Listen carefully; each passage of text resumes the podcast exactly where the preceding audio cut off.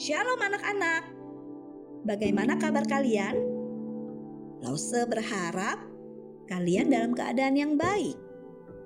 Renungan hari ini berjudul Pembawa Damai dari 2 Tesalonika 3 ayat 16. Hentikan! Teriak Desi. Kakak laki-lakinya, Bobby, berlari di sekitar ruangan dengan boneka favoritnya di tangannya. Diangkat tinggi-tinggi di atas kepalanya sehingga dia tidak bisa mencapainya. Tidak, sampai kamu mengembalikan mobil remote control saya. Bobby balas berteriak. Aku hanya melihatnya, kata Desi membela diri. Tidak ada yang salah dengan itu kan? Ya, teriak Bobby. Aku tidak pernah memberimu izin untuk memegangnya atau memainkannya.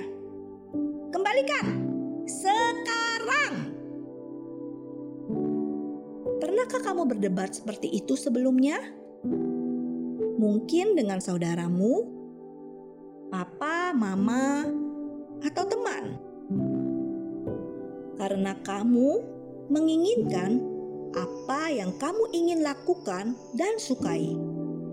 Saling teriak dan marah terus berlanjut hingga akhirnya ada yang mengalah. Tuhan punya rencana lain untukmu. Dalam Roma 12 ayat 18, Tuhan memberitahumu untuk hidup damai dengan semua orang. Itu terkadang sulit dilakukan saudara dan teman kamu tidak selalu ingin damai.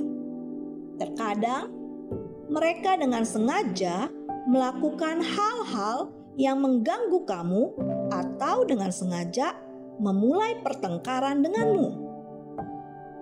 Tetapi kamu harus ingat untuk berpaling kepada Tuhan, Pencipta kedamaian sejati. Damai sejahtera adalah ide Tuhan sejak awal, dan Dia membawa damai ke dunia melalui putranya. Yesus, Raja Damai, berkata bahwa Dia membawa kedamaian kepada semua orang yang memilih untuk mengikuti Dia.